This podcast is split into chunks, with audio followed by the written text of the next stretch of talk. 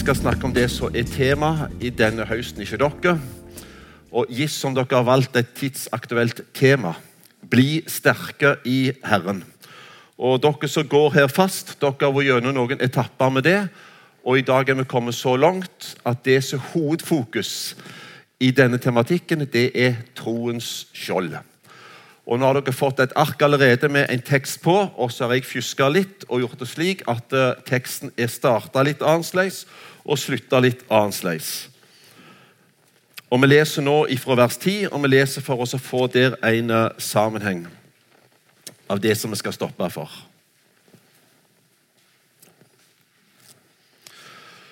For øvrig, bli sterke i Herren og i Hans veldige kraft. Eller det kan være like rett å lese 'Bli gjort sterke i Herren og i Hans veldige kraft'. Ta på dere Guds fulle rustning, så dere kan holde stand mot djevelens listige angrep. For vi har ikke en kamp mot kjøtt og blod, men mot maktene, mot myndighetene, mot verdens herskere i dette mørket, mot ondskapens ånde her i himmelrommet. Ta derfor Guds fulle rustning på, så dere kan gjøre motstand på den onde dag og bli stående etter å ha overvunnet alt. Stå da ombundet med sannhetens belte om livet og vær iført rettferdighetens brynje. Ha som sko på føttene den beredskap som fredens evangelium gir. Grip fremfor alt troens skjold og det kan misforstås. La oss bare si det. At en kan tenke at om jeg ser vekk fra alt det andre, så tar jeg troens skjold, og så kan det på en måte erstatte det andre. Men det er ikke det som menes. Egentlig står det oppå alt dette. Eller i tillegg til alt det vi nå leser. Grip troens skjold, som dere kan slukke alle den ondes brennende piler med. Ta frelsens hjelm og åndens sverd, som er Guds ord. Amen. Eh, ut ifra det som vi leser nå, så er det på en måte en disposisjon som gir seg sjøl. Og nå vet jeg ikke Lars, hvor mye bakgrunnsinfo du og andre har gitt i forhold til det som er realiteten når dette blir skrevet. Og Jeg skal ikke plage dere mye, men for oss å sette det inn i en ramme og en sammenheng, så kan vi bare ta med vers 10. Bli gjort sterke. Det kan jo tyde på at de som Paulus skriver til i Efesus, de kjente på det motsatte. De kjente på en svakhet i møte med det som var utfordringen. Og så skriver han så positivt, oppfordre, formane. Bli gjort sterke. Det er altså en vei til styrke. Det er en vei til seier. Det er en vei til å stå. Og det er Ta på Guds fulle rustning. Ta på Guds fulle rustning. Du skal slippe å rekke opp hånda. Men hvem av oss tenkte på det når vi våkna i dag, som det første? At det skal jeg kle meg med òg i dag, når jeg går ut i denne flotte søndagen. Eller gjerne enda mer når mandag kommer, eller onsdag kommer og vi skal gå ut til utfordringene i vårt arbeid, vårt virke, der vi står, så bruker vi litt tid på, damene mer enn oss menner, fordi damene tenkte jo for oss stort sett der, hva vi skal på oss. Jeg vet, hva skal jeg ha på meg i dag? Ja, hva skal du på? Flott, da tar du deg. Men ta på dere Guds fulle rustning. For det er en kamp imot. Det er altså en arena som du og meg er en del av. Vi er ikke på tribunen. Det kan vi være i andre sammenhenger.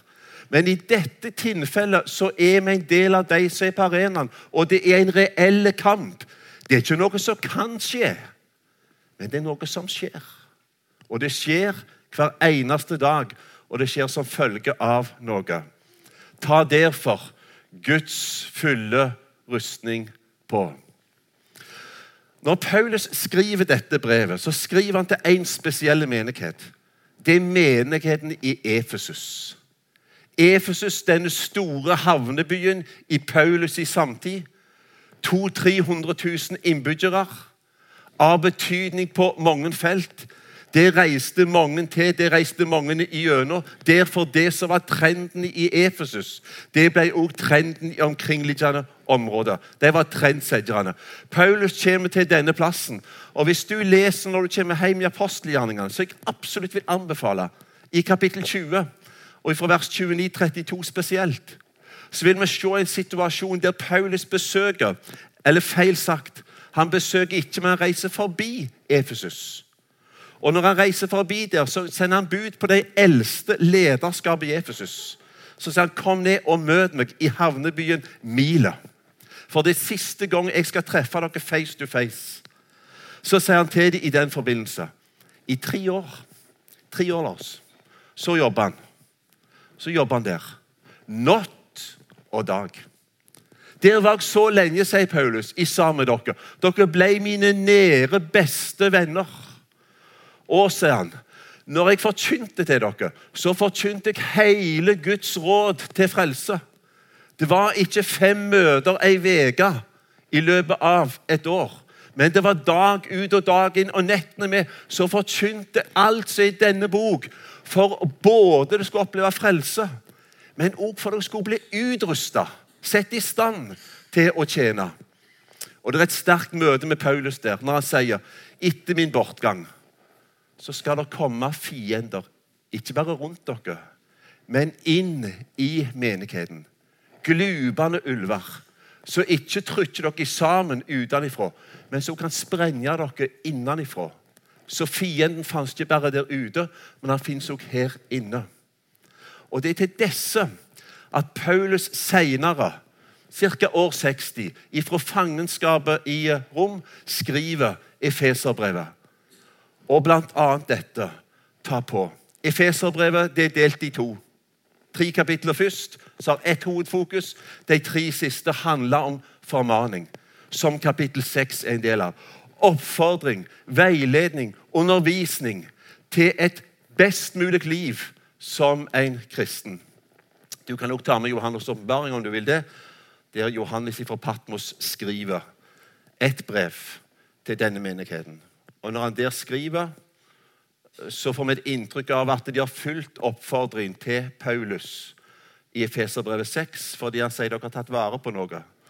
Det er riktig noe dere skal vende tilbake til. Når vi kommer til Guds fulle rustning, så er det ting å ta på seg, så det alt har hatt fokus på, og det er ting å ta opp, gir seg bruk av. Rustningen er én del. Sko på føttene, belte om livet, brynje og hjelm. Så er det et åndens sverd. Det skal jeg ikke tale om nå, men det vi skal tale om, det er troens skjold. Det er noe av det som er å ta opp. La oss være oss bevisst, folk, at som en kristen, som Guds menighet, som Guds folk Med en gang vi blir en del av Guds menighet, så har vi òg noen som er oss imot. Fiender. Israelsfolket. Når Gud frelste dem fra Egypt, så var de ikke før kommet ut i ørkenen og begynt på livet gjennom ørkenen, vandringen, hverdagen. Så erfarte de det var fiender. Og det folk hadde aldri før De hadde vært slaver, men de hadde aldri hatt noe våpen å gjøre bruk av som slaver. Det var de fratatt. Men nå når de var frelste ut fra slaveriet og begynt på vandringen, så opplevde de ut i ørkenen. Det var fiender. Og da måtte de altså kalle noen til å gå i striden. Gi dem våpen for å kjempe kampen. Når vi leser i Nehemjas bok, som for øvrig er en utrolig spennende bok, konkrete bok, så leser vi om Guds folk når de driver et Guds arbeid og bygger Guds rike i Jerusalem. Når de drev med dette, så bygde de i utgangspunktet i fred. Men det gikk ikke lenge før de opplevde det er fiender som ikke vil at vi skal bygge Guds rike i Jerusalem. De håner oss, og de spotter oss. Og når ikke det hjelper, så sier de vi vil gå fysisk til verks. Vi skal ha hardere medisin.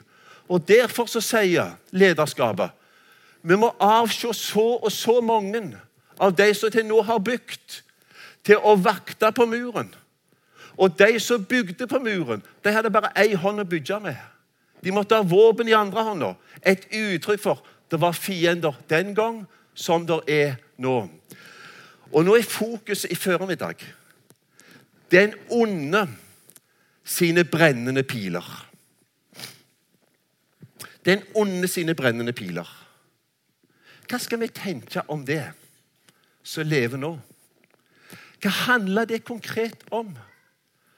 Jo, det handler for det første om det er en som eksisterer, som heter den vonde. Djevelen eller Satan. Han er en levende realitet. Like så sikkert som det er en Gud som eksisterer, så er det òg en vonde som eksisterer. Og hans hensikt, sier Guds ord til oss, er å påføre Guds barn, Guds folk, nederlag og smerte på forskjellige måter. Den onde sine brennende piler. Hva er de konkret? Jeg tror hvis vi skal konkretisere, og vi skal gjøre det litt seinere, så strekker ikke tida til. La oss bare ta med og vite at i ditt og mitt liv Og det er derfor det står, tror jeg, den onde sine brennende piler.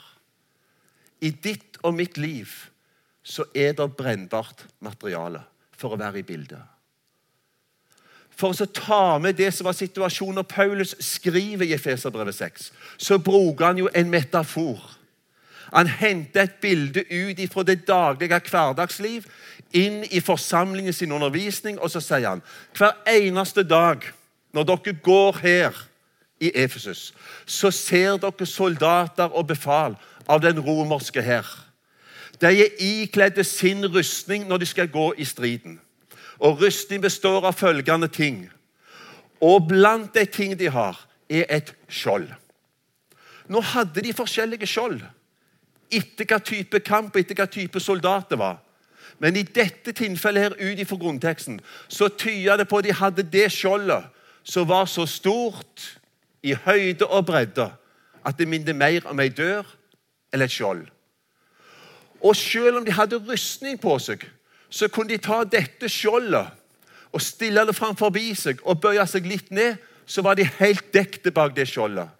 Slik at når fienden skjøt sine piler, så kunne det ikke ramme den som var bak skjoldet. Han var helt skjult bak skjoldet.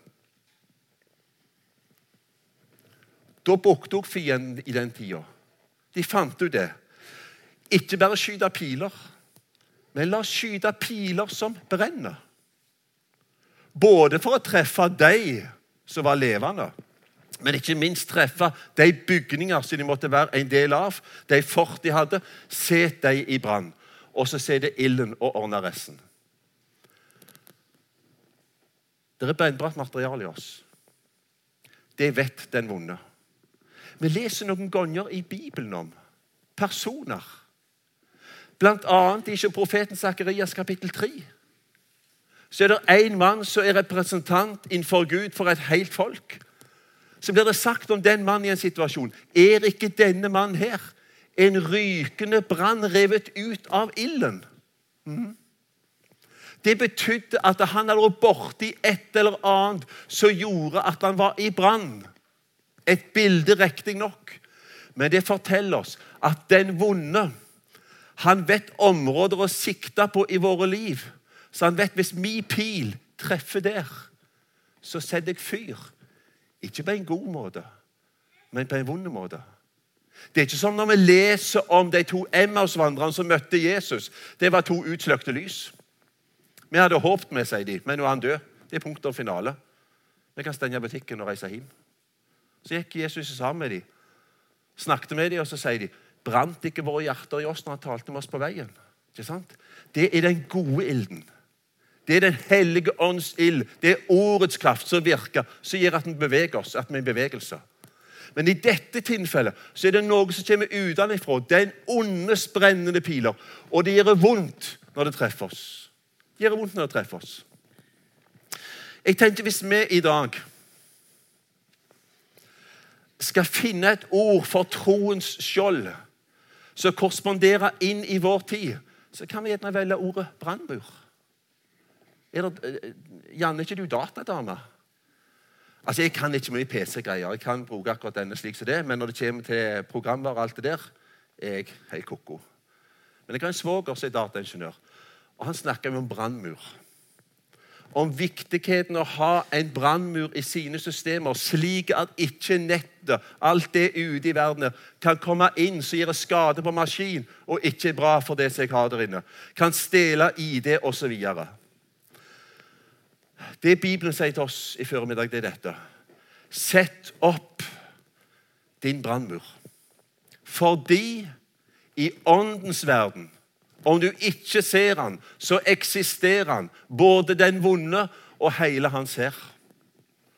Og han ønsker å nå inn i våre liv for å skade oss. Jeg tror ikke det er feil å si at 2019 er en større mulighet for den vonde enn det var i 1819. Nettopp fordi, på grunn av teknologi, så kan han nå oss gjennom kanaler på en helt annen måte enn før. Altså, Jeg er så gammel at jeg husker at vi ikke hadde fjernsyn hjemme. Vi hadde kun radio. Det var ikke grassat med fristelser i radioen, altså. Jeg må si det, altså. Det var jo noe slik uh, Radioteater, var det det het? Det var noen løgne tilgjorte stemmer som virka litt skremmende. Men altså, 2019 er noe annet. Og jeg tenker den vonde han vet og gir seg bruk av teknologien bedre enn absolutt noen. Han er alltid et hestehår med si her framfor politiet, f.eks. De ligger framfor. Det er en grunn for at den beste filmteknologien den eier pornoindustrien. Det er en grunn til det. Og spesielt for oss mannfolk, men òg for damer. Der bruker den vonde sine brennende piler. Jeg vet hver eneste gang vi har bibeltime eller tema om det som har med det å gjøre, da får du alltid respons etterpå. De kommer ikke fram her og stiller seg for alle og sier da ser de på nettporno. Fysj. Men de kommer etterpå og sier dette er en utfordring for meg. Det er en utfordring. Det er den vonde sine brennende piler. Så lammer en kristen så til de grader. En føler på skam, en kjenner på skyld og hele pakken. Det er et eksempel bare på den vonde sine brennende piler inn i vår tid. Hva er troens skjold oppi dette? Hvordan kan du og jeg konkret stå oss imot den vonde sine brennende piler? Tru til. Tru til Gud og Hans ord. Tillit til at dette ordet han jeg møter her, er en større kraft enn det den vonde er i besittelse av. Uansett arsenal han har, så sier Bibelen Jesus avvæpna makten og myndighetene og seire over dem på korset. Og han som er i oss, er større enn han som er ute i verden. Likevel, konkret så møter vi den vonde face to face med Jesus ute i ørkenen. 40 dager uten mat og vann. 40 dager og 40 netter. Til slutt står det Jesus ble sulten. Da kommer den vonde til han for å friste han, for å påføre nederlag. Troens skjold. Det står skrevet. Det står skrevet. Det står atter skrevet. Åndens sverd, som er Guds ord, det skal jeg tale om sikkert senere. Det er å bruke Guds ord på én måte. Men troens skjold, det er å feste sin lit til dette ordet og bruke det i møte med den vonde sine brennende piler. La han få lov å treffe det, og ikke treffe inn i vårt indre. Jeg tenker Dette er et kjempetidsaktuelt bibelvers i vår tid. Så en ikke brukte så mye før. Iallfall ikke den betydning vi bruker det nå. Det er en oppfordring. Og ta den med, folkens, for den trenger vi. Vær alltid beredt til å forsvare dere for enhver som krever dere til regnskap. Et fint ord sitter apologetikk. Trosforsvar. Troens skjold. Vår tid er slik at det er noen som vil utfordre oss i møte med at, tror, at vi tror er truende, er kristne. Og de utfordrer oss på forskjellige måter. Noen for all del av nysgjerrighet. Og sier det du tror på, fortell litt mer om det. Jeg satt på fly for en stund siden, fra Gardermoen opp til Ålesund. Traff en flott mann. Begynte med å snakke litt sammen. Jeg utfordra litt hvem han var. Og så er han så åpen og så stiller han spørsmål. Han stiller så gode spørsmål at jeg måtte virkelig tenke meg om. Og jeg tenker, ja, Nå må jeg stå fram og forsvare det jeg tror på, og vise at det betyr noe for meg i livet. Mm. Men det er òg de som møter oss, som har en annen intensjon. Så latterliggjøre og si 'hallo i luken' i 2019 når vi har så mye kompetanse, når vi har studert så mye, geologi, astrologi osv., så, videre, så vet vi at denne bok taler om en skapelse. Det er altså fossiler som tror på det. Ikke sant? Det utfordrer oss. Og det er piler som kommer inn, som skaper tvil, fortvilelse og frustrasjon. Og tenker nei, det funker visst ikke. Og så formidler dette i 2019. Jo, det er nettopp det det gjør. Men da må vi væpne oss ut ifra denne bok her, så vi kan vårt budskap. Så vi kan gå i striden og ta opp troens skjold. Så vi i alle fall, om ikke de vil tro, så står vi tilbake med en visshet om min tro til Gud og Guds ord. Den er ikke svekka. Men det trenger tid. Troens skjold. Jeg syns den der i Daniels bok er helt fenomenal. Det handler om å ta opp troens skjold. Sadrak, Mesak, Abednego blir så utfordra på si tru i møte med avguderiet, i møte med idoler, i møte med støtter som sier 'denne skal det tilbe', og ingen andre. Så sier de nei. Vi kjenner en annen Gud. Vi kjenner en annen Gud. Jeg vet ikke hvor gamle de var da. Jeg tror ikke de var 15. De var gjerne det når de ble tatt og førte ifra Jerusalem til Babel. De er noe eldre nå. Men de har karakter.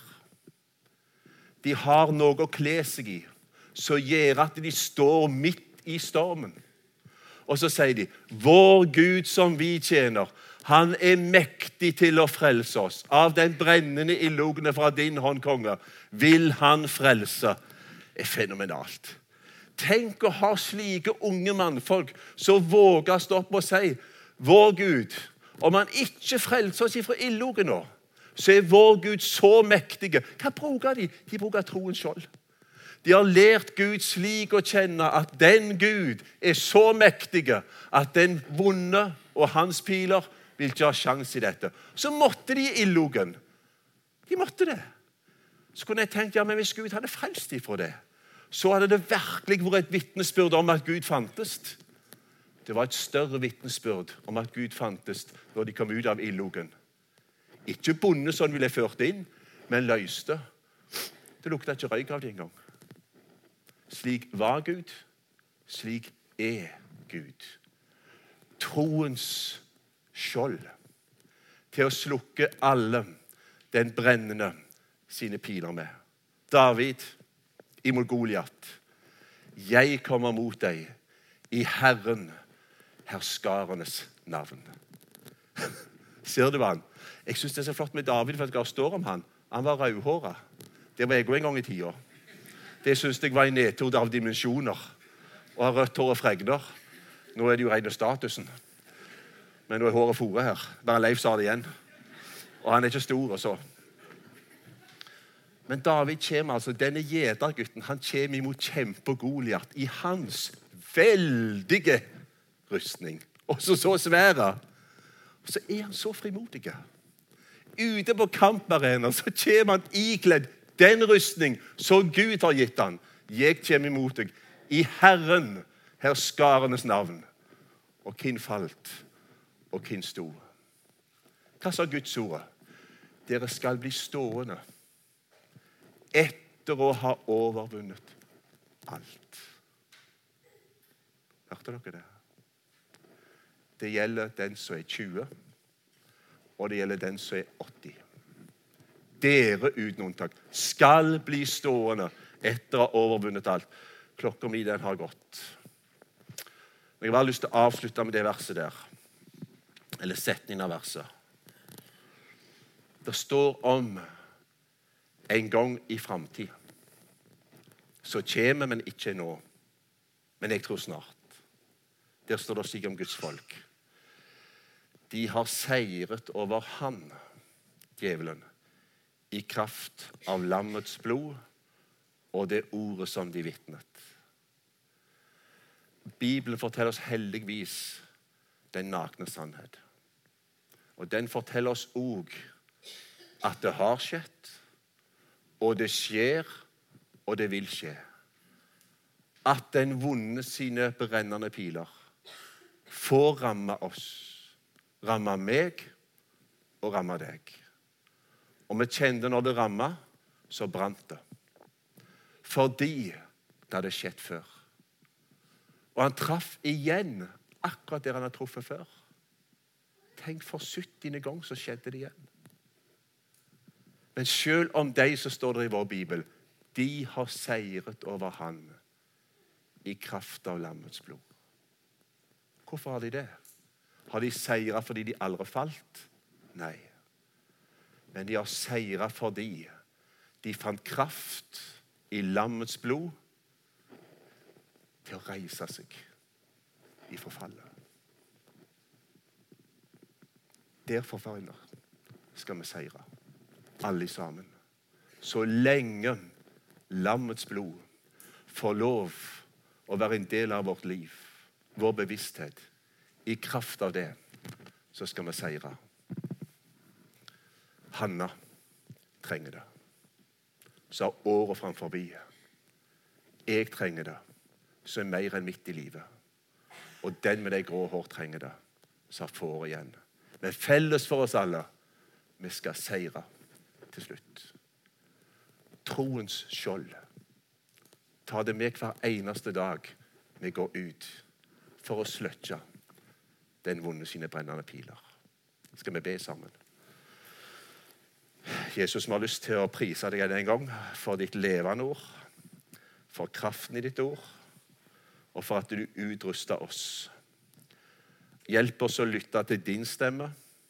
Hjelp oss å lye din stemme og gir oss bruk av det du har gitt oss, for å være deg som du har tenkt oss til her i livet. Velsigna denne forsamlingen, Jesus. Takk for det du allerede har gjort her, de store ting vi ser. Takk, Jesus, for det fellesskapet som er her, en blanding av både unge og vårt godt voksne. Jesus, hjelp dem til å ha fred med hverandre. Hjelp dem å ha felles fokus, Jesus. Hjelp dem å finne de rette til lederskap. Besigna pastoren Jesus og hans familie. La de få kjenne å stå i din styrke, Jesus. Gi de visdom i veien videre, med bygging av hus og alt. Vi ber i ditt navn. Amen.